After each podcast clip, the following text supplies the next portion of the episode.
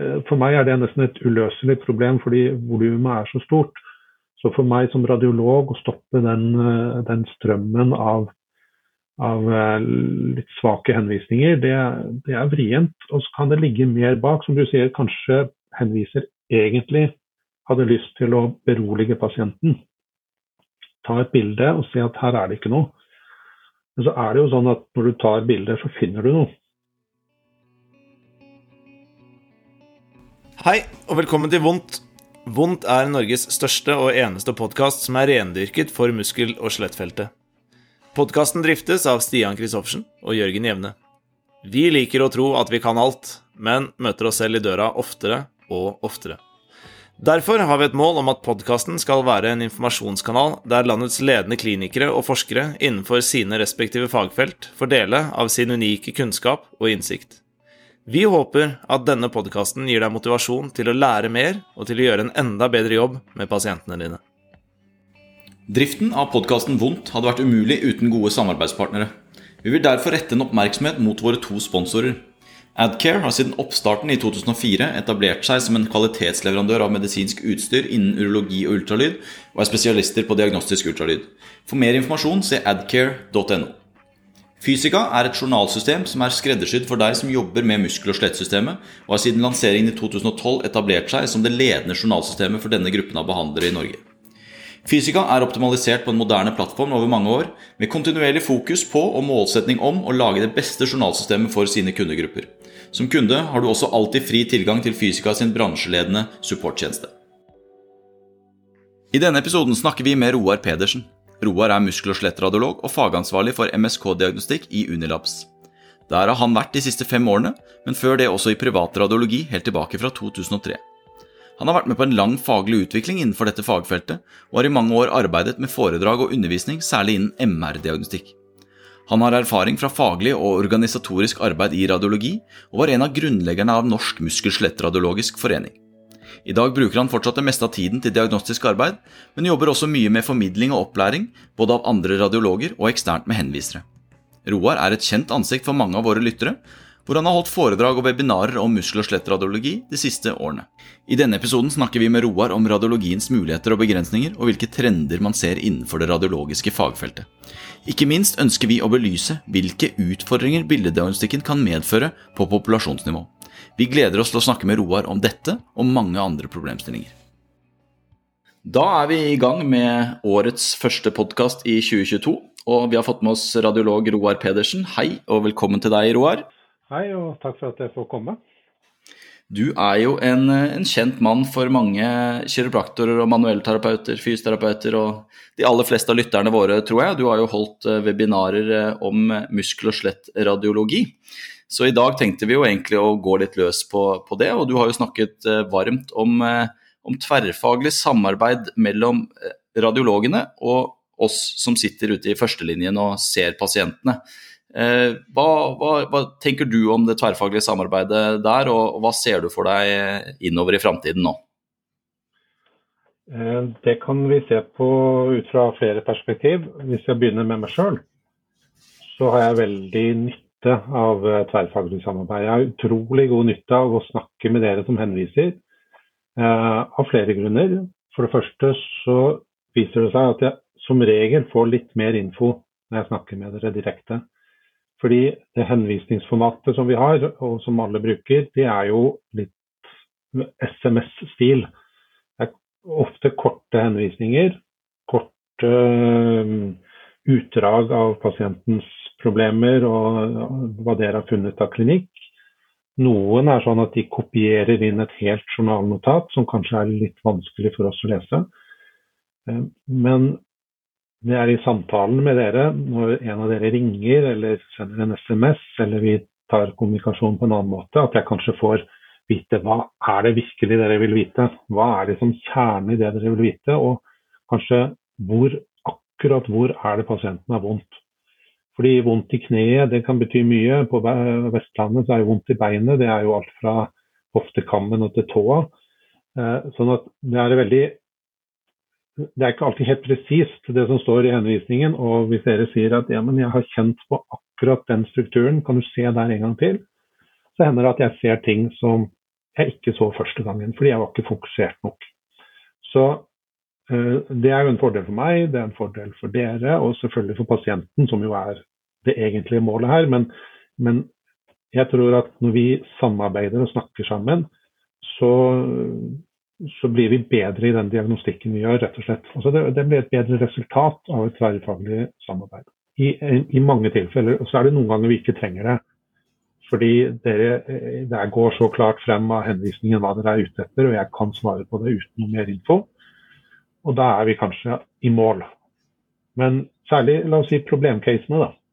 Der er det utrolig nyttig å ha tverrfaglig samarbeid. Og Sånn er det fungerer på sykehuset òg. Det er jo problemcasene som blir tatt opp i, i møtene mellom kirurg, og radiolog og patolog f.eks. Hvordan eh, tenker du at vi som, som klinikere skal gå fram for å bedre, eller kanskje til og med bare etablere, et, et godt tverrfaglig samarbeid med, med, med radiologene? Ja, jeg, på en del av de foredragene som jeg har holdt, så har jeg brukt et litt amerikansk uttrykk som jeg ser at mange si, amerikanske kolleger bruker. De sier 'my radiologist'. Og det er litt Jeg liker den tanken. fordi blir man kjent med én. Altså jeg kan ikke serve alle, og det er masse flinke kollegaer som vi kan dele på byrden. Men du har sannsynligvis en lokal radiolog på sykehuset eller på et institutt som du forholder deg mest til, og som du kjenner. Og som du etter hvert, jo mer dere interagerer, så vet du hva han kan, og hva han står for, og hvilke ord han bruker. Og da, i den settingen, så vil dere bli eh, bedre kjent og få til et bedre resultat. Og hvis du ikke har en sånn, så går det jo an å bare ta kontakt. Jeg var på den idrettsmedisinske høstkongressen i, i, i høst på Gardermoen, og da holdt et foredrag. Og så var det en som stoppet meg i gangen og spurte jeg lurer på en pasient, kan jeg få sende deg en SMS eller ringe deg uh, på mandag? Og selvfølgelig, helt greit. Og da fikk vi en lang samtale om den pasienten. Så Norge er ikke så stort, og det er ikke så veldig vanskelig å snakke sammen. Så det er nesten bare å sende en SMS eller ringe eller ta kontakt, så kan vi etablere et eller annet sånt. Jeg skjønner også at det kan være litt terskel, fordi det kan Alle har jo litt tendens til å gjøre seg utilgjengelige. Fordi vi skal jo gjøre jobben vår i tillegg til å snakke med folk. Det er jo en del av jobben. Men, men eh, hvis det er 1000 stykker som ringer meg hver mandag, så får ikke jeg gjort noe annet. Så det er en avveining, men foreløpig så er det null problem. Ja, det er, jo, det er jo egentlig passende at jeg tar opp eh, hvordan, hvordan, vi kom i kontakt i sin tid. For det var jo eh, Nå snakket vi jo om hvordan vi som klinikere kan etablere, men eh, husker jo en gang eh, jeg sendte en MR på en hockeyspiller som hadde hatt et eh, traume. og Da skrev du en lang beskrivelse, og så skrev du mobilnummeret ditt med kontakt meg gjerne for å diskutere pasienten til slutt. Og det er jo første og siste gangen jeg har opplevd det i, i helsevesenet. Foreløpig. Ja, ja, øh, og jeg gjør det der av og til. Og da ser jeg an litt pasienten og henviseren, øh, for å være helt ærlig. Jeg skjønner at du er veldig inne i problemstillingen, og at dette var vrient både for deg og for meg. Så det er et slags signal om at ja, det er nesten et signal om at her ikke jeg er helt sikker heller, så jeg vil gjerne ha kontakt. Og så kan du velge å, å bruke den infoen. Liten ulempe der kan jo være at pasientene får også kopi av svaret, og kanskje de blir fristet til å ringe. og Det gjør for så vidt ikke noe. Men eh, ja. Igjen da, det har ikke vært noe stort problem så langt. Det er jo um, det er jo en, en, mulig problemstilling, nettopp som du sier det her. Pasienten får jo svaret på, på beskrivelsen, fastlegen får kanskje um, svaret på beskrivelsen, og så er det vi som har um, Hvis Jørgen har sendt henvisningen, og så skal fastlegen tolke noe ut av de, den beskrivelsen du har, og så har du tolket noe, og så har Jørgen og du snakket sammen, og så skal Jørgen snakke med pasienten, så er det ganske mange ulike innganger da, til en bildebeskrivelse. Eh, hvordan opplever du, hvordan opplever du den, den, problemstillingen? Sånn type flere kokker, mer potensielt søl? Som sagt, det er ikke per i dag noe stort problem at mange tar kontakt, eller at mange mener noe, uh, egentlig. Uh, det er klart at det språket jeg bruker i svaret mitt, det er ikke beregnet på pasienten, for å si det rett ut. Det er en spesialistvurdering med en egen terminologi. Jeg bruker MR-ord og uttrykk, og jeg bruker muskel-skjelett-ord og uttrykk som dere er inne i, og som jeg er inne i. Og, og det er en, egentlig en høyspesialisert vurdering som hvis man, er, eh, hvis man ikke kan noe om det, så kan det være vanskelig å forstå og vanskelig å skjønne hva er det viktige her. Um, så jeg opplever ikke så ofte at pasientene um, bryr seg så mye om teksten. Men jeg opplever faktisk en del ganger at henvisere ringer og spør hva betyr det og det. Og så er det egentlig bare et kjapt Google-søk unna, og det er litt rart, syns jeg. fordi hvis jeg sier en diagnose, og så ringer dere og spør hva betyr den diagnosen, så kunne man like gjerne slått opp på nett og, og, og fått et egentlig kanskje bedre svar. Så det er mange, som, det er mange innganger her, som du sier. Og, og man bruker nok radiologien på veldig forskjellig måte, alt etter hvor man er. Noen hører jeg aldri noe fra, fordi de kanskje har en annen radiolog de spør til råds, selv om det er jeg som har beskrevet. Og det er helt greit. Ehm, jeg tenker litt om, hvis vi, når vi er inne i den delen der hva, Jeg har jo en del tanker om dette med at en, som du sier, høyspesialisert beskrivelse som egentlig er tiltenkt en yrkesgruppe eller en, en helseprofesjon, eh, blir på en måte bare vedlagt til en pasient. F.eks. du får et brev hjem om at eh, ja, her, her har du beskrivelsen din, du har en prolaps. Eh, hilsen XX. Eh, jeg ser i hvert fall en del problemer i, i, i måten det på en måte formidles på, da, skriftlig.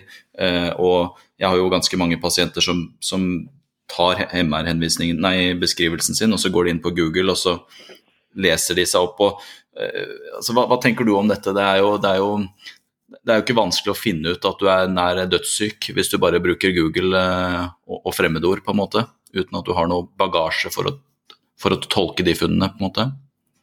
Jeg er helt enig med deg. og Hvis jeg skulle bestemme det der, så hadde jeg vel bestemt at de svarene ikke skal gå til pasienten. Men vi er i en tidsalder hvor det er pasientens helsevesen. Altså det, for 100 år siden så var det legens helsevesen. Nå er vi mange behandlere og vi er mange eh, involverte, og pasienten er en like stor del av det. Og Det klarer vi ikke, og vil vel egentlig ikke komme ut av det heller, men det medfører en del eh, nye utfordringer. Jeg syns ikke at pasienten skal bry seg om for å være veldig kategorisk her, eh, hva som står i det svaret. For det skal tolkes av dere, og det skal tolkes av fastlegen i den setting, kliniske settingen dere har. For å løsrive et radiologisk svar fra en klinisk setting, det blir veldig tullete. Eh, men pasienten har nok har rett på å få se svaret sitt, og har rett på å få vite eh, alt som er i journalen. Og ja, Det er en ny utfordring som vi må forholde oss til. Vi har i våre systemer, eh, som dere vet, så kan jo pasienten få se bildene selv. Eh, når du har tatt bildene, så får du en kode, og du kan logge deg på og se bildene. Men vi holder igjen svaret. Eh, fordi det kan jo potensielt ligge noe i svaret som er skummelt eller dramatisk. Og la oss tenke en en kancersituasjon, da, så er det viktig at det svaret går til legen først, og det blir en mulighet for å snakke med pasienten før pasienten ser det eh, med egne øyne. Så Noen sånne sikkerhetsventiler har vi. Det er ikke perfekt, men eh, ja. Jeg tror nok det radiologiske miljøet er klar over den problemstillingen. Det synes jeg høres veldig, veldig, fornuftig ut. Der får vel også en del eh, henvisere og helsepersonell svare på hvorfor ikke bildebeskrivelsen alltid ligger med i den delingskoden, eh, ja. delingskoden man får. Eh, som også da i, i, stor grad åpner opp for å faktisk ta, ta kontakt. og det, det, er min erfaring også, at det å faktisk kontakte radiologen og, og ta en prat er ofte en veldig god, god inngang, på lik linje som vi kontakter fastleger og kirurger og, og andre involverte i helsevesenet. Um, jeg synes jo dette med å presentere, presentere funnene, altså det har jo blitt snakket mye om eh, bl.a. På, på rygg. Hvordan, eh, hvordan, bildebeskrivelsen tolkes og formidles til, til pasientene. Jeg tror mange, tror mange av, av, våre kolleger der ute i praksis også opplever det tidvis, at man har en pasient, eh, man tar en MR, og så ønsker man i størst mulig grad kanskje å avdramatisere funnene og forklare det på en så, så, bra måte som mulig. Og så er det andre involverte hos den pasienten, om det er lege eller andre terapeutgrupper, som vektlegger patologien eller det strukturelle i mye større grad, da, sånn at du får en ganske stor diskrepans i måten funnene tolkes og formidles på. Uh, er det noe du opplever som, som utfordrende sånn i din hverdag, eller er du basically ferdig når du har sendt rapporten din? Ja, på en måte så er jo det. Uh, det store antallet kommer jo ikke tilbake til oss et, med, med den problemstillingen. Men jeg vet jo at den problemstillingen eksisterer når vi har sluppet beskrivelsen fra oss. Og noen kommer tilbake og sier at ja, men du sa jo at det var prolaps, pasienten har kanskje vondt på en annen side, eller det er ikke noe vondt der hvor du sier det skal være vondt. Så vi er jo ekstremt klar over den problemstillingen. Og for å eh, nevne den artikkelen som eh, vi tre har snakket litt om i forkant, fra BMJ, som analyserer resultatene og outcome av eh, ryggdiagnostikk, så er det, jo, det er jo helt forferdelige tall. Det viser seg at det har nesten ikke noe nytte, og det passer så ekstremt dårlig med, med det kliniske at MR egentlig skulle vært forbudt på rygg. Det, altså bare i noen tilfeller så har det en slags eh, terapeutisk eller behandlingsmessig nytte, men i de fleste tilfeller så forvirrer det mer enn, en det opplyser. Det er et kjempeproblem. Det, jeg vet ikke helt hvordan vi skal løse sånne ting, men vi har jo noen norske retningslinjer på akkurat dette med ryggdiagnostikk, og de tror jeg er fornuftige. Så man bruker de, så vil man komme eh, så vil man gjøre en god jobb for pasientene, tror jeg. Kan hende dere ser på det annerledes. Men men problemet er uansett at det er så stor pågang av, eh, med eh, spørsmål om slik diagnostikk at det er veldig vanskelig å stoppe det. Og så er det vrient å vite hvem er det som skal stoppe det. Burde det vært stoppet på fastlegekontoret allerede? Og da har man i noen fora snakket om kanskje vi burde hatt elektronisk diagnosestøtte. Dvs. Si at når du skriver en henvisning til MR-rygg, så burde det poppe opp et spørsmål i eh, journalsystemet ditt som sier er det et rødt flagg, har det gått lang nok tid? Og hvis du benekter disse tingene, så får du ikke lov å henvise. Eh, man kunne tenke seg en sånne sperrer, men ja, er, for meg er det nesten et uløselig problem fordi volumet er så stort. Så for meg som radiolog å stoppe den, eh, den strømmen av av eh, litt svake henvisninger, det, det, er vrient. Og så kan det ligge mer bak, som du sier, kanskje henviser egentlig hadde lyst til å berolige pasienten. Ta et bilde og se at her er det ikke noe. Men så er det jo sånn at når du tar bilder, så finner du noe. Og da har du et problem. MR burde være forbudt på rygg. Det er ganske sterk kost å komme fra en radiolog, men eh, ja. Nei, jeg håper men, ingen hører på denne podkasten er juling etterpå. Nei, men det er, eh, det er, det er, det er absolutt interessante, interessante, aspekter, da. Um, og jeg må jo innrømme det, jeg har jo henvisningsrett, og i løpet av et år så er det jo en, en del pasienter man, man henviser mot bedre viten. Altså i i mangel av et bedre ord, men i, i, i frustrasjon eller i, forsøk på å gjøre noe i gåsetegn. Og jeg er jo helt enig, du, du, du sier at uh, det er et uløselig problem, og det er i hvert fall ikke radiologene som kan løse dette, tenker jeg. Dere, dere, jo, dere sitter jo på den andre siden av bordet, på en måte, så det må jo, det må jo foregå noe på, på, systemnivå. Og det er klart, vi har jo brukt ganske mange år nå på å overbevise pasienten om at MR er lurt. Så å snu den den oljetankeren her og plutselig si at nei, vi, vi trenger ikke MR. Det, det, sier seg jo selv at dette er et kulturelt problem som vil være vanskelig å, å snu over natten. Ja, og så er det sånn at som vi allerede har vært inne på, det er pasientens helsevesen og det er pasientens kropp. og jeg tror Hvis vi sier at du får ikke MR av ryggen din, hvis vi sier det kategorisk at nå er det slutt, så går pasienten til noen andre kan gå til en annen henviser, og de kan gå til et annet en annen røntgeninstitusjon. De kan gå til et forsikringsselskap, som jo nå er et, en veldig reell problemstilling. Og da får du den M-en likevel. Så kanskje man bare skulle rett og slett få satt det i den rette settingen, og så gjøre det med den rette innstillingen. Og ikke bekymre seg så mye over at at hva skal vi si, at MR-en genererer en del funn, men rett og slett være litt sånn edruelig i forhold til hva vi ser. Og der har radiologen et ansvar. Fordi hvis du sender meg en henvisning og sier i klartekst jeg ønsker å berolige pasienten med at det ikke er noe farlig, så behøver ikke jeg å beskrive hver eneste lille skivebukning eller hver eneste lille pålæring eller hver eneste lille piksel med UDM. Da kan jeg summere opp med å si at her er det faktisk ikke noe farlig. Det er vanlige degenerative ting, og ikke noe skummelt.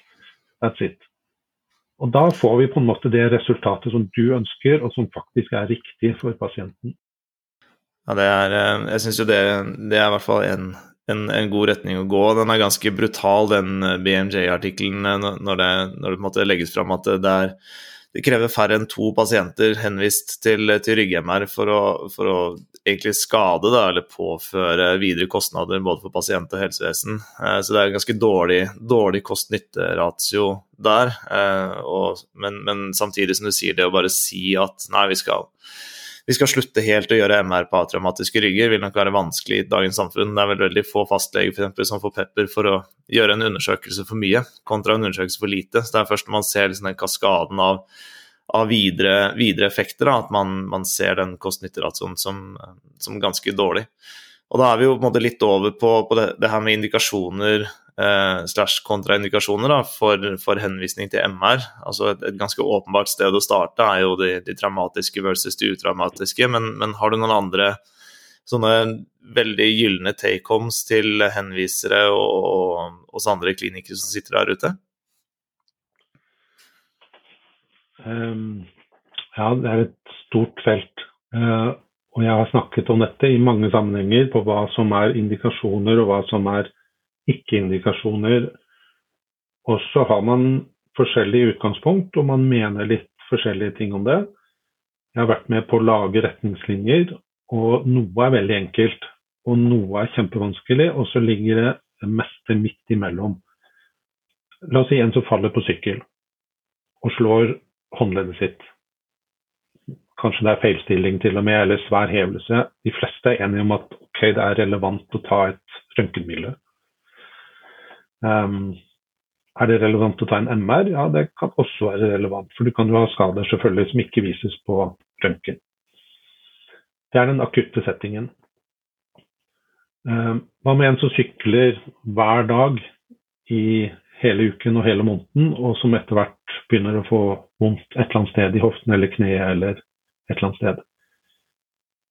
Det er jo ikke lenger traumatisk, men det er jo relatert til aktivitet, og det er relatert til en million små mikrotrauma et eller annet sted, så at vedkommende kan ha en stressfraktur eller en belastningstilstand i bløtdelene, det er jo sannsynlig. Um, hvis man da skal stille en nøyaktig diagnose, så kanskje MR er nødvendig for å se akkurat hva det handler om. Men det er ikke sikkert dere trenger det for å håndtere pasienten. Dere kan si at ok, dette er, du har sittet lenge på det setet, og du har veldig vondt i, eh, i, skinka, og det er fordi du har knukket på det setet veldig lenge. og Derfor er det vondt, og hvis du slutter, så blir det mindre vondt. Altså Det er common sense. Um, behøver ikke MR for det. Men så har jo dere pasienter hvor dette vedvarer, og dere kommer ikke i mål, og dere lurer på hva det er. og Da er det eh, kanskje tiden inne for å ta det MR-bildet og finne ut av hva det er. Og så finner man av og til noe rart som man ikke hadde forventet. Og jeg tror at Det viktigste take home-poenget der, hvis man skulle redusere mengden henvisninger, eh, det er å ha is i magen. Fordi vi har jo pasienter som, eh, hvis vi ser bort fra de eh, traumatiske, så har vi atraumatiske som det har vart kanskje bare i en uke. Det har ikke vært noe traume, du har hatt vondt i, i kneet ditt i en uke. Du kan jo godt vente en stund til, for det er usannsynlig at det er noe som må håndteres akutt i det kneet.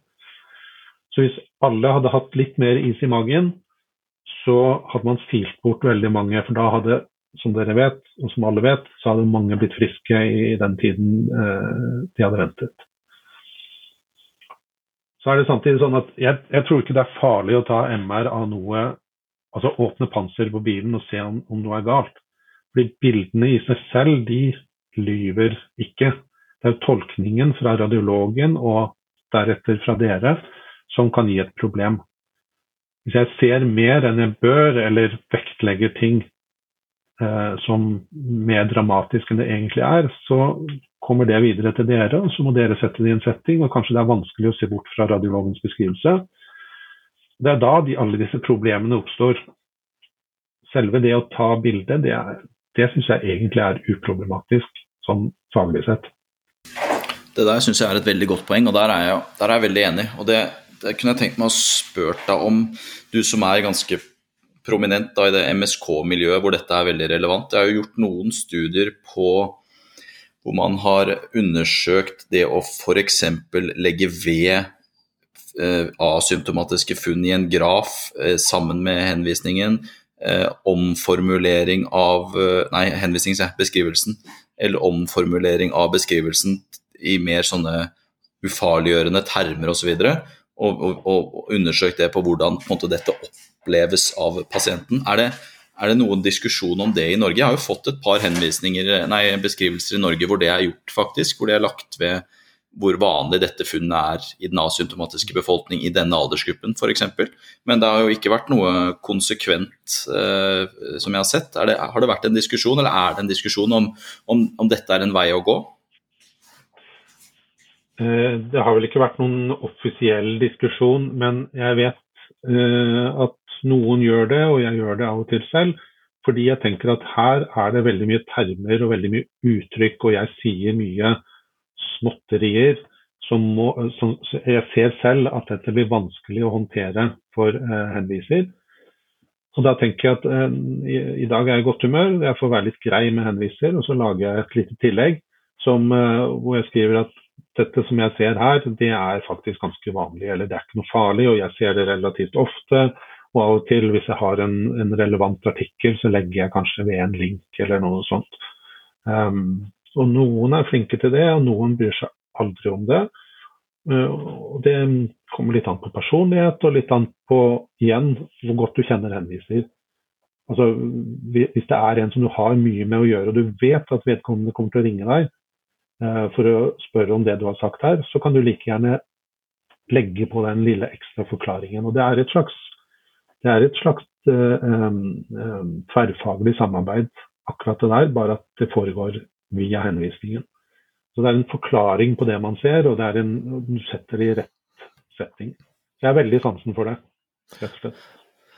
Ja, for Når man driver og snakker om disse iatrogene eller skadelige effektene av tidlig MR på akutt korsrygg som ikke har noe traume involvert, f.eks., eh, og også da knyttet opp til denne BMJ-artikkelen, så, så, har man jo også studier som viser at ved en god forklaring, ved å kontekstualisere funn, ved å si at dette er mer aldersbetingede forandringer osv., så, og så, så så har man egentlig muligheten til å snu den eller til å fjerne den iatrogene effekten i, i, veldig stor grad. Da. Og da er det som du sier, det er jo i utgangspunktet ikke noe noe farlig å åpne panseret på bilen for å, for å, se, hvis det er målet, men da må man i hvert fall være veldig bevisst hvordan man kontekstualiserer de funnene og forklarer det til pasienten. For det er jo en, en oppfatning som kanskje har blitt bygget opp gjennom årene med, med medisin, at, at, eh, MR og billeddiagnostikk er jo på en måte fasitsvaret, det er det objektive eh, som, som, som, endelig skal vi få svar på det. Det ligger nok en forventning der også hos, hos pasienter at nå, når jeg endelig får den MR-en, da, da vet jeg hva som er gærent med meg.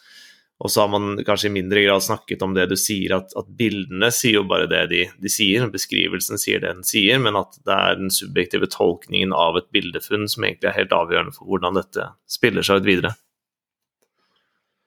Der har jeg et, et bilde som jeg ofte øh, har trukket fram, øh, som er øh, litt uformelt eksempel på hvordan en radiologs liv er. Hvis dere tenker dere disse bøkene som heter 'Hvor er Willy'? Husker dere disse? På engelsk heter 'Where is Waldo'? Og Det er jo mange oppslag, da, store sider, med masse figurer og situasjoner. La oss si et sirkus da, med, med tusen små uh, menn og damer. Og dyr og biler og hus og trapeser og det ene med det andre som holder på å interagere på masse rare måter i en sånn tegneseriestil. Og så skal poenget da er å finne Willy, som er en liten mann med rød og hvitstripete genser og, og lue.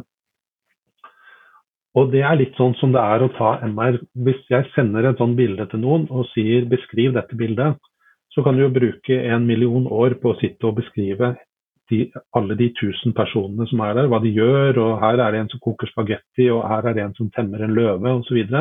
Det eneste jeg vil vite, det er jo hvor er Willy? Så hvis ikke jeg stiller det spørsmålet, så får jeg tilbake masse informasjon som jeg ikke trenger. Det er helt irrelevant for meg å vite hvor mange grønnkledde mennesker det er på det bildet. Men det kan jo være noe du, for å overføre det, får i svar tilbake fra radiologen. Um, så da er vi inne på det med henvisninger igjen, og det er kjempeviktig for oss å vite hva er problemstillingen, hva er det dere vil vite, og da kan vi gi det svaret tilbake.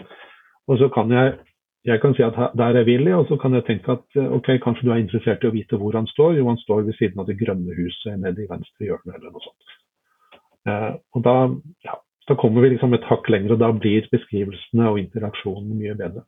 Og så har jeg et poeng til når det gjelder det med, med å, med å um, legge ved forklaringer og sette det inn i en kontekst. Det er jo sånn at som i alle fagfelt, så er det jo noen som er erfarne, og noen som er mindre erfarne. Noen er i opplæring, noen har holdt på lenge. Um, og der er miljøet i Norge det er blitt utrolig mye bedre på muskel-skjelett-radiologi de siste 20 årene. For 20 år siden så var det to, tre, eh, fire entusiaster som drev på, og noen av de driver på ennå. Og de er litt sånn foregangsmenn og damer i miljøet vårt. Men det er de siste 20 årene, parallelt med at vi har tatt mye, mye, mye mer bilder enn vi har gjort før, at vi har fått et muskel-skjelett-radiologimiljø i Norge med mange engasjerte eh, ja, la oss si unge radiologer, da, selv om jeg har fylt 50, så jeg føler meg fortsatt litt ung. Da jeg gikk ut av medisin på slutten av 90-tallet, så var vi 20, et par og 20 stykker som starta på radiologi. Det var nesten litt uhørt, fordi vanligvis var det én per årskull som starta på radiologi. Men det har fått en litt boost fordi det, blitt, det er mer digitalt. MR-en og CT-en har fått et stort oppsving. Så det har vært mer populært parallelt med det at det er mer behagelig vakter på radiologi kontra indremedisin og kirurgi. anestesi. Så jeg syns nå at miljøet vårt i Norge er veldig bra. Det er bra i det offentlige, det er bra i det private. Det er mange flinke folk og mange som er engasjerte.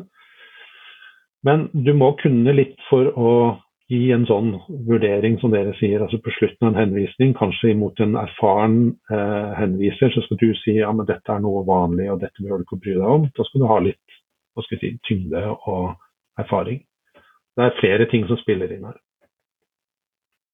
Jeg tenker at uh, dette samarbeidet mellom, mellom, klinikere og radiologer blir jo viktig også i de traumatiske settingene. og Det er kanskje nærliggende å bruke idretten som, som eksempel der. altså F.eks. på, på hamstringsskader så har man jo vært ganske tydelig på at, uh, at MR-funn ikke kan si noe om når pasienten kan returnere. Uh, det er jo i bunn og grunn ikke radiologen sitt ansvar, for du har jo bare beskrevet skaden. Men det er kanskje fra dere også viktig å, å få fram det til klinikere, at, at, det, at, disse funnene beskriver på en måte situasjonen sånn den er nå, uh, og at ved disse og disse tilstandene så vil den i, i, mindre grad kunne si noe særlig om tidsforløp og for så vidt også prognose. Er det noe miljøet du er en del av, jobber aktivt med å få, få ut? Ja, det er i hvert fall, i hvert fall stadig, eh, en stadig problemstilling. Vi har jo Det er masse fotballag og masse håndballag og idrettsutøvere i Norge. Unge, og altså de blir yngre og yngre, og de blir eldre og eldre. Sånn at mye av det vi holder på med, er jo um, atleter på høyt nivå og på mediumnivå og på hva skal jeg si, mosjonsnivå. Så vi har mange sånne problemstillinger, og disse skades jo stadig vekk. Og det treneren eller den medisinsk ansvarlige på laget vil vite, er jo, som du er inne på, når kan han begynne å spille igjen? Når kan hun gå på banen igjen? Vi trenger henne i kampen på lørdag. Er hun klar til det? Og det er jo umulig for oss stort sett å svare på. Vi kan gradere skader og si at ifølge artikler slik og slik, så er grad 3, det tilsier i gjennomsnitt 72 eh, dager return to play. Eh, men det blir veldig grove mål som vi kan komme med. Så der, eh, der er det jo dere som må ta den byrden med å tolke det vi sier, rett og slett. Ja det, det, er en, det, er en, vanskelig problem. Vi, det rent praktiske det er vanskelig for oss. Vi kan si det morfo, hvordan det morfologisk ser ut, og så kan vi kanskje, hvis vi, hvis vi, vet, så kan vi si at dette tilsier en tilhelingstid eller en return to play-tid på sånn og sånn, men det er vanskelig. Og det egentlig beste nytten det er å kunne si at dette er minimalt. Så tenker du en fotballspiller som får en kakk i låret og har veldig vondt, og så ser jeg bare minimalt med ødem i en muskel, da kan jeg si med føler jeg med rimelig god sikkerhet dette er lite, det, kan, det tar noen dager, en uke eller noe sånt, så er han sannsynligvis på banen igjen. Det er nesten det eneste jeg klarer å si. Vi eh, vender straks tilbake til intervjuet med Roar Pedersen etter noen korte ord fra våre sponsorer. Å holde seg oppdatert som kliniker i 2021 er en massiv oppgave. Det publiseres en absurd mengde fagartikler, blogger, podkaster og diverse meningsinnlegg hver eneste måned. Så bare det å holde seg oppdatert på ett enkelt område innen ett enkelt fagfelt fremstår nær sagt uoppnåelig. Jørgen, hvordan holder du deg oppdatert fra måned til måned? Jo, Stian, hvis noen kunne tatt den jobben med å selektere, kvalitetssikre og oppsummere forskningsartikler, og gjøre dem både tilgjengelige og klinisk relevante for oss, da hadde livet mitt blitt veldig mye bedre. Ja, nå har jo Physionetwork gjort den jobben de siste årene, da. Og det er alltid et høydepunkt når den månedlige utgaven kommer digitalt. Når dyktige forskere og klinikere presenterer de nyeste og mest relevante fagartiklene, som kan nytes med morgenkaffen eller på vei til og fra jobb. Ja, det er ikke noe tvil. Physio Network er den enkleste måten å holde seg oppdatert på, og et fantastisk utgangspunkt for å dykke dypere inn i de fagområdene som interesserer akkurat deg mest. Så gå inn på www.fysionetwork.com for å lære mer om hva de tilbyr både deg og din klinikk. Og om du vil bli medlem, så husk å bruke rabattkoden VONDT for 20% rabatt på ditt første medlemsår.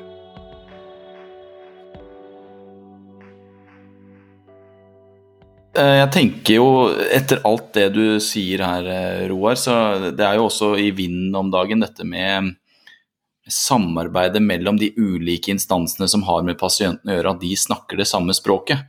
Og det, det, som, det som, blir åpenbart her for meg, det er jo at, eh, at eh, vi trenger å alliere oss med, med radiologen og, og, vite hva som Altså at vi snakker det samme språket, og at vi Sånn som det du sa innledningsvis her, at hvis, hvis vi formidler i henvisningen at dette egentlig er en avdramatiserende undersøkelse, så må vi, må vi, skrive det i klartekst. Det må jeg jo innrømme at jeg aldri har tenkt på å gjøre engang. Men, men vil du si at dette er en del av det MSK-radiologimiljøet er det, er det en sånn fellesnevner at de ønsker dette? Ja, det tror jeg nesten alle som får en henvisning, enten det er radiologi eller spesialisthelsetjenesten eller noe sånt, vil, vi vil jo gjerne vite hva tenker du hva vil du helst med denne pasienten? Noen ganger er det ikke nødvendig fordi det er så åpenbart. Er det fraktur eller ikke fraktur? Det er det du vil vite. Men ved kroniske plager så jeg tar hensyn i hvert fall til det som står i henvisningen i den retningen. Noen skriver dette er en pasient som vanligvis ikke klager, nå har han veldig vondt.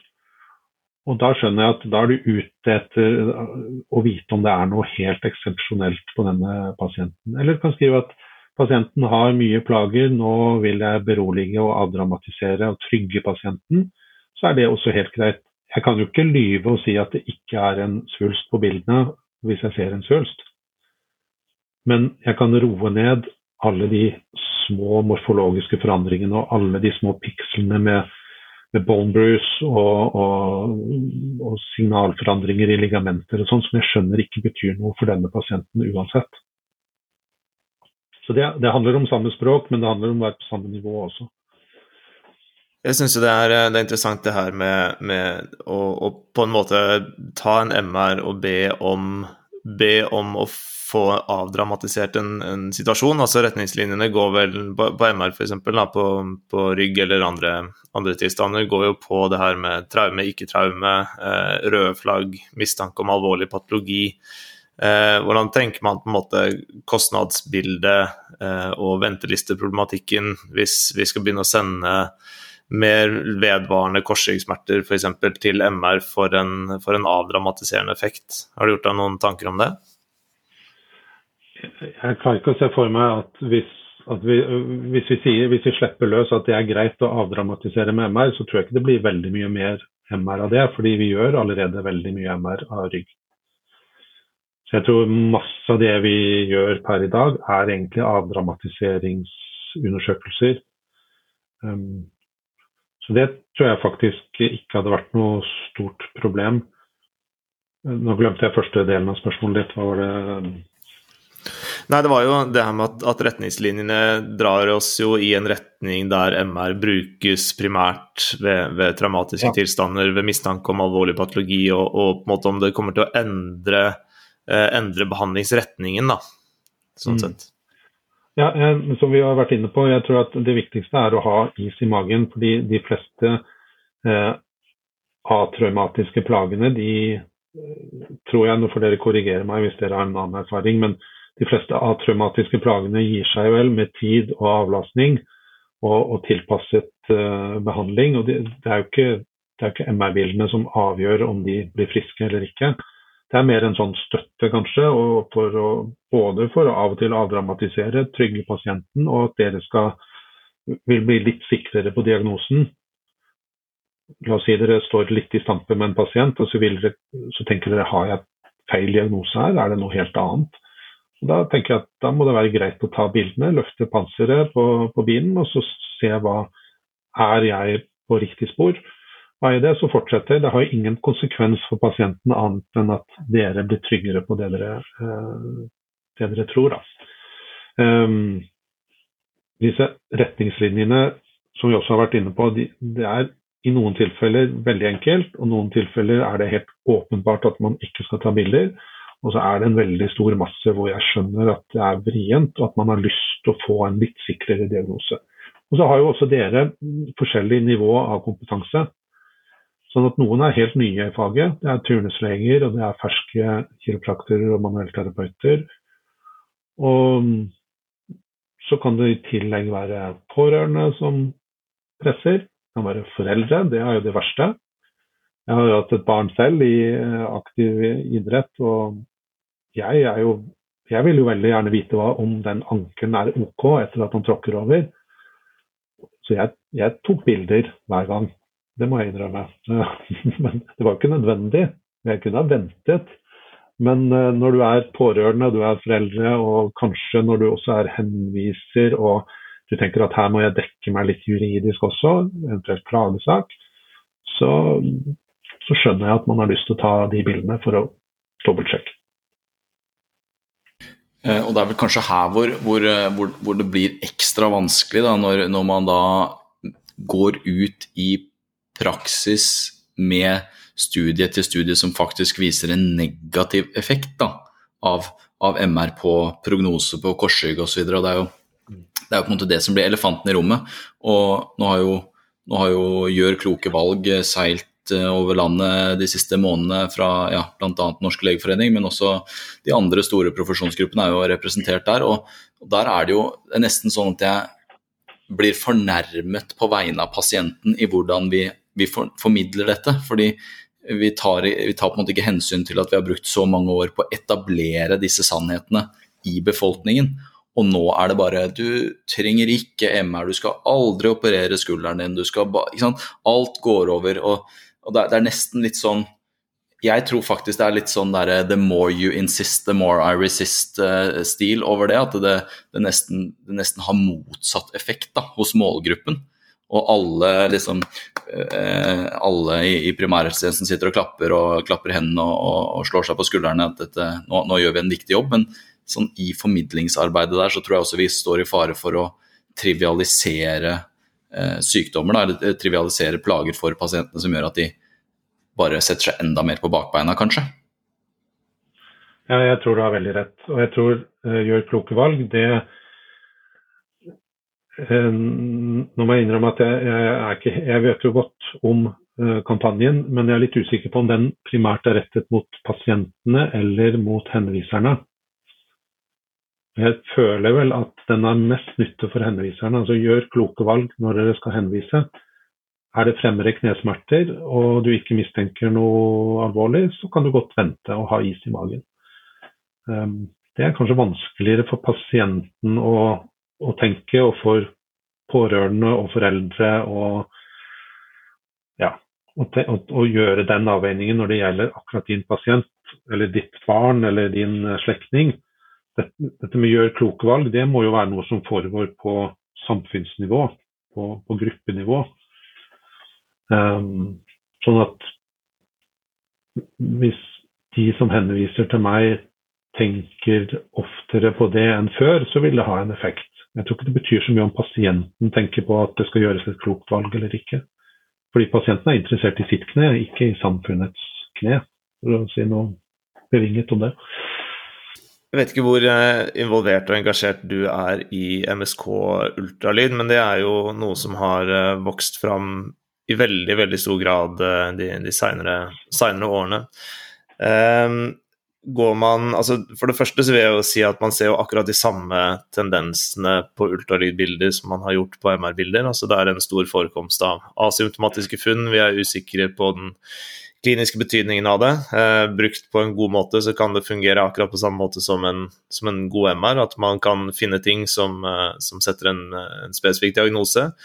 Man kan bruke det som en eh, avdramatiserende effekt, men det er jo også et verktøy som vil havne i hendene på veldig mange flere klinikere rundt om i det ganske land. Da, sånn at de potensielle iatrogeneffektene er jo absolutt til stede. Og hvis vi nå bruker mye tid og ressurser på å gjøre kloke valgkampanjer for å få redusert f.eks. henvisningen av MR på tilstander vi ikke vil, og pasientene fortsatt sitter med en følelse av at de vil jo vite hva som er inni denne albuen eller det kneet, Eh, litt som du sa i stad, hvis, hvis, de ikke får det ene stedet, så går man og får det andre stedet. Eh, ser, du noen, ser, du noen, utfordringer i framveksten av diagnostisk ultralyd på måten det foregår nå? Det er et minefelt, eh, så jeg skal være litt forsiktig. Men eh, for å ta det grunnleggende, jeg tror jo at ultralyd er en veldig bra metode. Den har en masse fordeler som MR ikke har, og den har en masse fordel som klinikk ikke har. Rett og slett. Jeg tror MR, nei, ultralyd kan være kjempenyttig. Og så er det veldig operatøravhengig, som du er inne på. Det kommer an på hvem som ser på bildene. Det er vanskelig å etterprøve. Det er på en måte ulempen med MR igjen, da, fordi MR er jo veldig lett å etterprøve, for alle bildene er digitale. og hvis du ser på bildene, eller en annen radiolog ser på bildene, så ser dere nøyaktig det samme som jeg gjør. Sånn er det ikke helt med ultralyd. Um, jeg, det som også er tilfellet, tror jeg, er at de som driver med ultralyd, de blir veldig frelst på det. De blir veldig hekta på den metoden. Og det kjenner jeg igjen fra mitt forhold til MR. Jeg er veldig hekta på MR. Jeg syns det er en fantastisk metode og får veldig mye ut av det. Um, Sånn er det også med ultralydentusiastene. Og så har det vært sånn at det nesten har vært en, eh, en, to motpoler. At hvis du driver med ultralyd, så er du på ett parti, og hvis du ikke driver med ultralyd, så er du på et annet parti. Og, og det er helt unødvendig, fordi ultralyd og MR de utfyller hverandre jo helt fantastisk. Noe ser man godt på ultralyd, noe ser man godt på MR, og noe ser man ikke godt på den ene eller andre modaliteten. Og så For å svare på det du, eh, det du spør om. Eh, vi får en god del henvisninger til MR hvor det er gjort en ultralyd først. Og Det kan være at man da har gjort et funn som man ønsker å få verifisert, eller man har gjort et funn som man uh, ja, er usikker på. Eller et funn man er helt sikker på på ultralyd og gjerne vil ha mer detaljer om. La oss si Et klassisk eksempel det vil være at ultralyden viser et stort abdominalt aortaaneurisme. Det måler sånn og sånn, og vi trenger en ja, ikke en MR, da, men vi vil ha en CT for å kartlegge det i alle retninger, og så skal det henvises til karkirurg osv. Så tar vi CT-en, og så ser vi at nei, det er ikke et aortaaneurisme, det er kolumna. For det vil kunne se litt likt ut på ultralyd i uøvde hender eller uøvd tolkning. Så jeg tror at ultralyd, som, igjen som du er inne på, det genererer en del potensielt en del ekstraarbeid. Og det er en del ting man ser der som kan være vanskelig å tolke, og som kan gi en ekstra diagnose eller en ny diagnose eller en feil diagnose på samme måte som, som MR. Så Det jeg eh, egentlig har ventet på, som jeg nå tror er tilfellet, det er at man er blitt litt mer edruelig på bruken av ultralyd, og ikke tenker at det kan løse alt. For det gjør det ikke.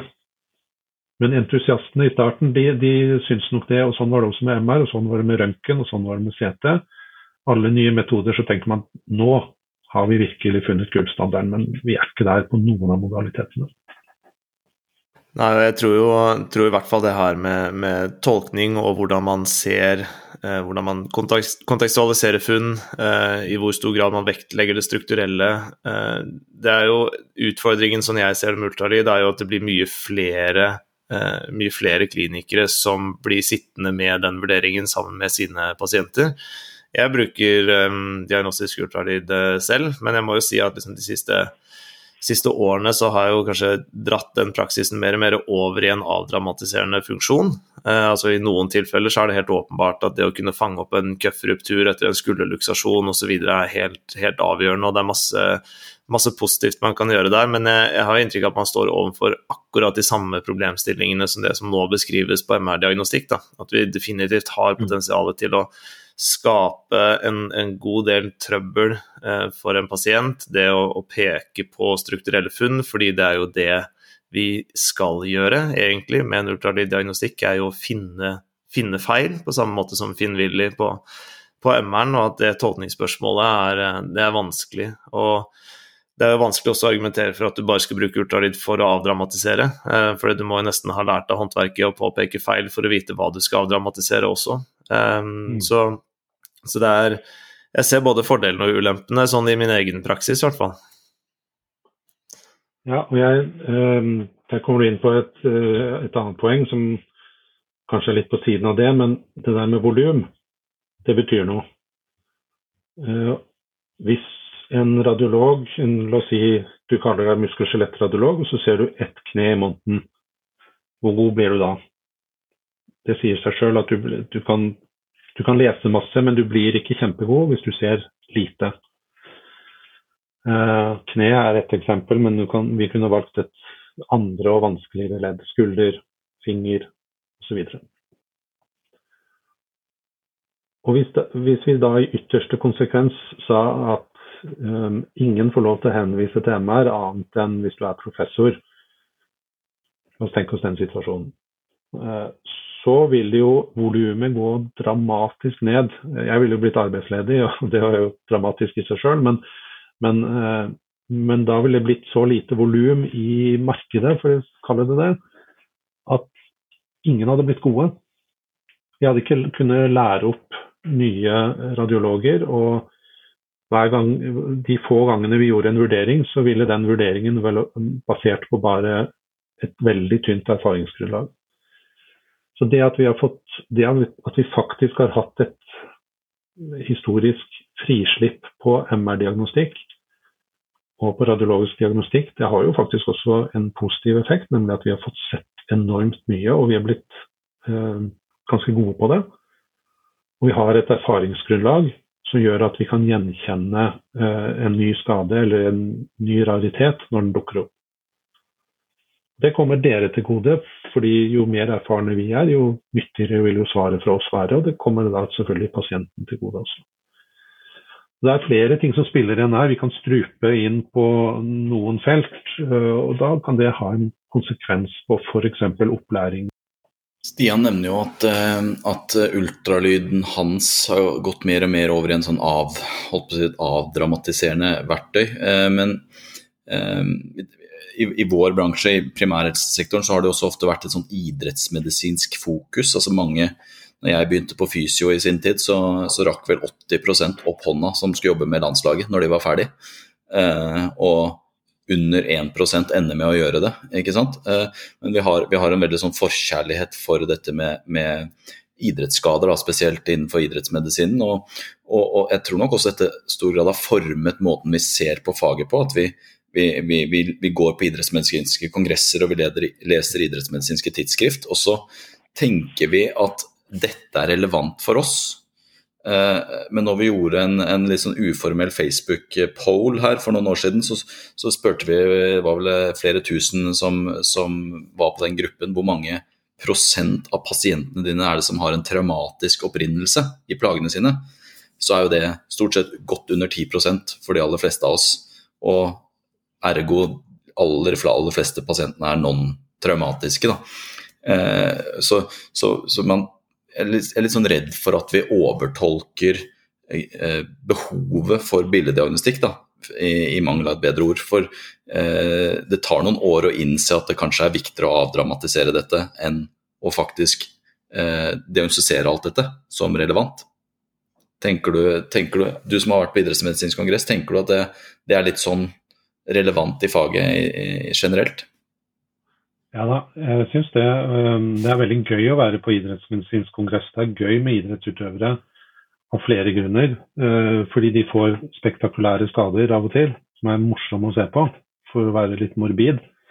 Det er litt kjedeligere med en stressfraktur i leggen enn med en skikkelig avrivning i skulderen av labrum og, og, og rotatorcuff og osv.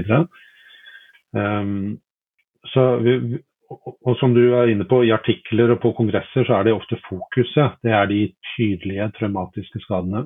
Så har det nok blitt litt mer fokus på stressreaksjonene, både i bløtdeler og ben også. Og De er jo veldig relevante, og det er jo det store volumet.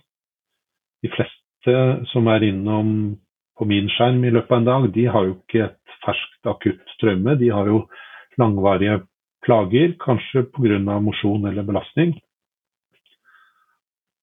Og jeg tenker at de plagene er jo like relevante for pasienten. Om de er like relevante for radiologisk diagnostikk, det er en liten diskusjon. I gamle dager så, så vi jo aldri stressfrakturene i proximale tibia på vanlig røntgen. fordi de vises ikke før de skleroserer, og da begynner jo pasienten å egentlig bli frisk og, da, og i god form igjen, så det er ikke nødvendig å ta bilder. Nå kan vi se det med en gang. Du har løpt uh, løpt et løp i skogen eller en maraton eller noe sånt, og så har du vondt uken etterpå. Vet, da vil ikke jeg kalle det akutt traumatisk. Da er det, da er det bare vondt. Uh, så tar vi MR og så ser vi at det er en, en tydelig lineær stressfraktur proksimalt i tibia. En lokalisasjon og på et sted som vi før ikke visste om. Og da hvis jeg var pasienten, så ville det være litt ålreit å få vite det, fordi da, da, da, vet jeg noe om prognosen. Da kan dere fortelle meg at dette her, det er en stressfaktor. Den kommer til å gro i løpet av fire, fem, seks uker. Du må bare ta det med ro eh, inntil da.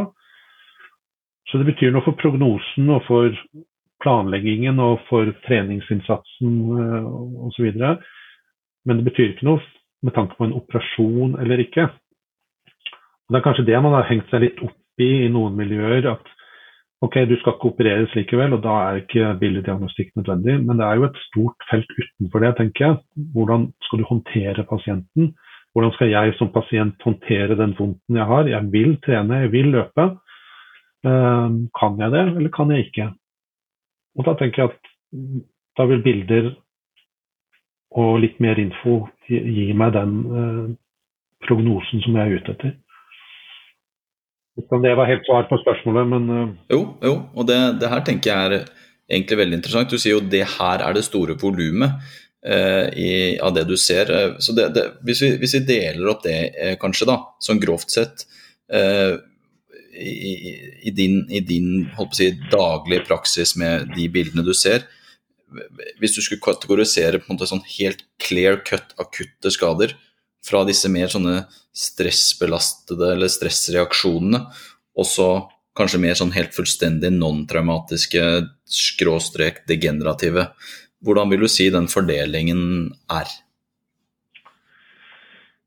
Det spørsmålet hadde jeg ikke helt forberedt meg på, så da må jeg tenke i to sekunder. Eh, nå har jeg en god del idrettsutøvere og idrettsmiljøer og sånne som dere, som eh, også har kontakt med idrettsmiljøene og henviser eh, kanskje via forsikringsordninger og, og ja, avtaler som vi har da. og da der er det en del korsbåndstrukturer og sideligamentstrukturer og av og til seneavulsjoner og sånne ting. Um, men det er likevel en relativt liten andel, så la oss si at på en vanlig dag så ville det 10 være ferske skader. Og så ville det degenerative være 30-40% og så ville halvparten være mer i atraumatiske eller hva skal vi si, langvarige som godt kan være relatert til aktivitet, men likevel ikke har en akutt utløsende hendelse. Så er det jo det å si at det er jo en del pasienter som ikke husker at det var et traume. Altså de, de sier at vi har ikke hatt noe traume, men, men det må ha vært et, et traume av et eller annet slag. Så det er ikke nødvendigvis de store vridningene i slalåmbakken, men det er jo noen hvor, hvor, det står på henvisning at vedkommende sov på sofaen og falt på gulvet. Uh, og Det er jo et slags traume. Det er ikke et idrettstraume, riktignok, men, uh, men det hender jo at det faktisk blir litt større skader av sånne ting også. Men uh, ja, bare for å take a wild guess, vil jeg si 10-40-50 på de kategoriene der. Da blir jo selvfølgelig oppfølgingsspørsmål. Bare for å skyte inn, nå ser jeg ikke så veldig mye på rygg, så rygg er litt, litt ute av det regnskapet der. Eh, vi har så mye muskelskjelett hos oss at jeg fyller dagene med det, og, og det er nevroradiologene som ser på ryggene. Ja, eh, og det er egentlig kjempeinteressant. Nå er jo ikke de tallene på en måte vitenskapelige, men det er jo på en måte erfaringsmessig det du ser. Da kan man jo på en måte snu på, på, på diskusjonen her og si at det er jo mange mange henvisninger har en god indikasjon, egentlig. For vi, vi, har, jo, vi har jo nærmest bastardisert henvisningsbegrepet nå, ikke sant. Eh, ikke, ikke vi her på podkasten nå, men sånn i samfunnet at, eh, at det henvises altfor mange. Men da, da, kunne man jo sagt at uh, i, de, i, dette tilfellet med den erfaringen, så er jo mange av henvisningene også godt indikert. Men ikke som en preoperativ vurdering, men som en prognostisk vurdering og en behandlingsvurdering? Kjempeviktig poeng. Fordi uh, Hvis du spør en ortoped, så vil jo kanskje tilnærmingen være operere eller ikke operere. Men for de fleste er jo ikke det avveiningen. Tror, og det tror jeg pasientene skjønner også i mange tilfeller, at vi skal ikke operere, jeg vil bare vite hva det er. Sånn at jeg kan tilpasse treningen min, og, og sånn at jeg kan slappe av og, tenke at det ikke er kreft. Uh, og, og, og, i det spennet der så er det veldig mange som er veldig godt uh, indikert, uh, syns jeg. Synes det, helt, det aller meste av det jeg ser på, er helt greie problemstillinger. Jeg skjønner at man spør, og jeg skjønner at man har lyst til å ta bilder av det. Det var jo en, en studie som, som, gikk sin eh, seiersgang for noen år siden, og som eh, til og med noen medier har, har begynt å plukke litt opp. Denne kvinnen med ryggsmerter som uh, gikk innom ti, ti ulike uh, radiologiinstitutter og tok, uh, tok MR av ryggen og fikk tilbake en helt absurd mengde funn, da, som det ble beskrevet i, som det ble beskrevet i den, hvor det var generelt veldig lav konsensus. Det var vel bare én Det var vel bare ett eller to funn det var 90 eh, enighet om eh, på de instituttene, eh, som på en måte understreker det her med den subjektive tolkningen av, av et objektivt bilde. Hvor mye diskuteres det innad i, deres miljø? Det burde vært diskutert mer, og det burde vært, kanskje vært gjort noen gode studier hvor vi sammenlignet hvordan vi presterer. Man har litt forskjellig stil, og man har litt forskjellig tilnærming og pragmatisk tenkning rundt det. Sånn at um, jeg tror Og det ser jeg daglig, at vi tolker bildene litt forskjellig. Det kan være basert på ord og språk, og det kan være basert på hva vi vet, og det kan være basert på hva vi tenker henviser er interessert i, og hvem henviser er. Vi tilpasser nok oss både henvisningen og henviser når vi lager, formulerer svaret vårt. Jeg tror nok at de store tingene, de vil, det vil de fleste radiologene kunne være enig i, men så formulerer vi det litt forskjellig. Og så er det alle de småtingene. Og tilbake til villig-bildet. Jeg tror at radiologene vil kanskje av, av 100 så håper jeg at uh, i hvert fall 99 vil se villig uh, og identifisere riktig person. Men så er det jo alle sammen vil jo kanskje, hvis de skulle si noe om resten av bildet, så vil de legge mer eller mindre vekt på, på, på småting som de ser i bildet. Og da er vi på en måte tilbake til der hvor vi startet, at det, det eh, tverrfaglige betyr jo veldig mye. Fordi jeg vil vite hva du er ute etter.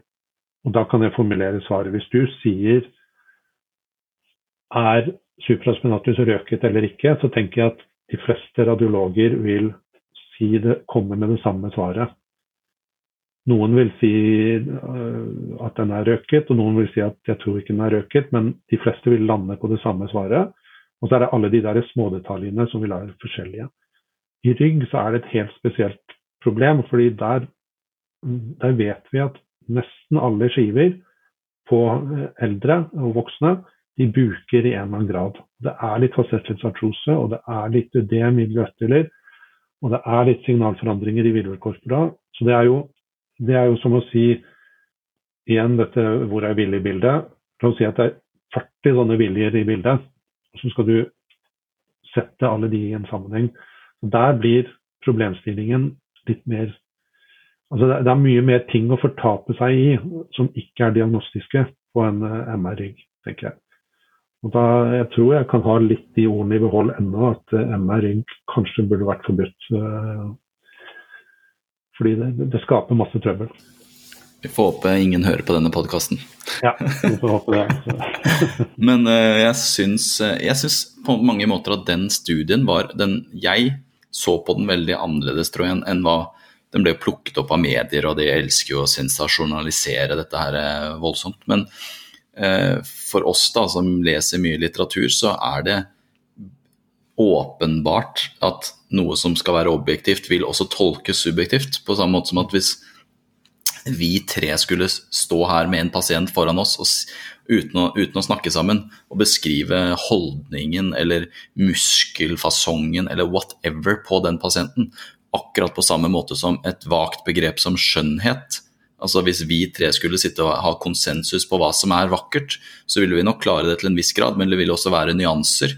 Eh, og hvem har rett i det? det jo, du har jo rett i det, måte, en subjektive mening.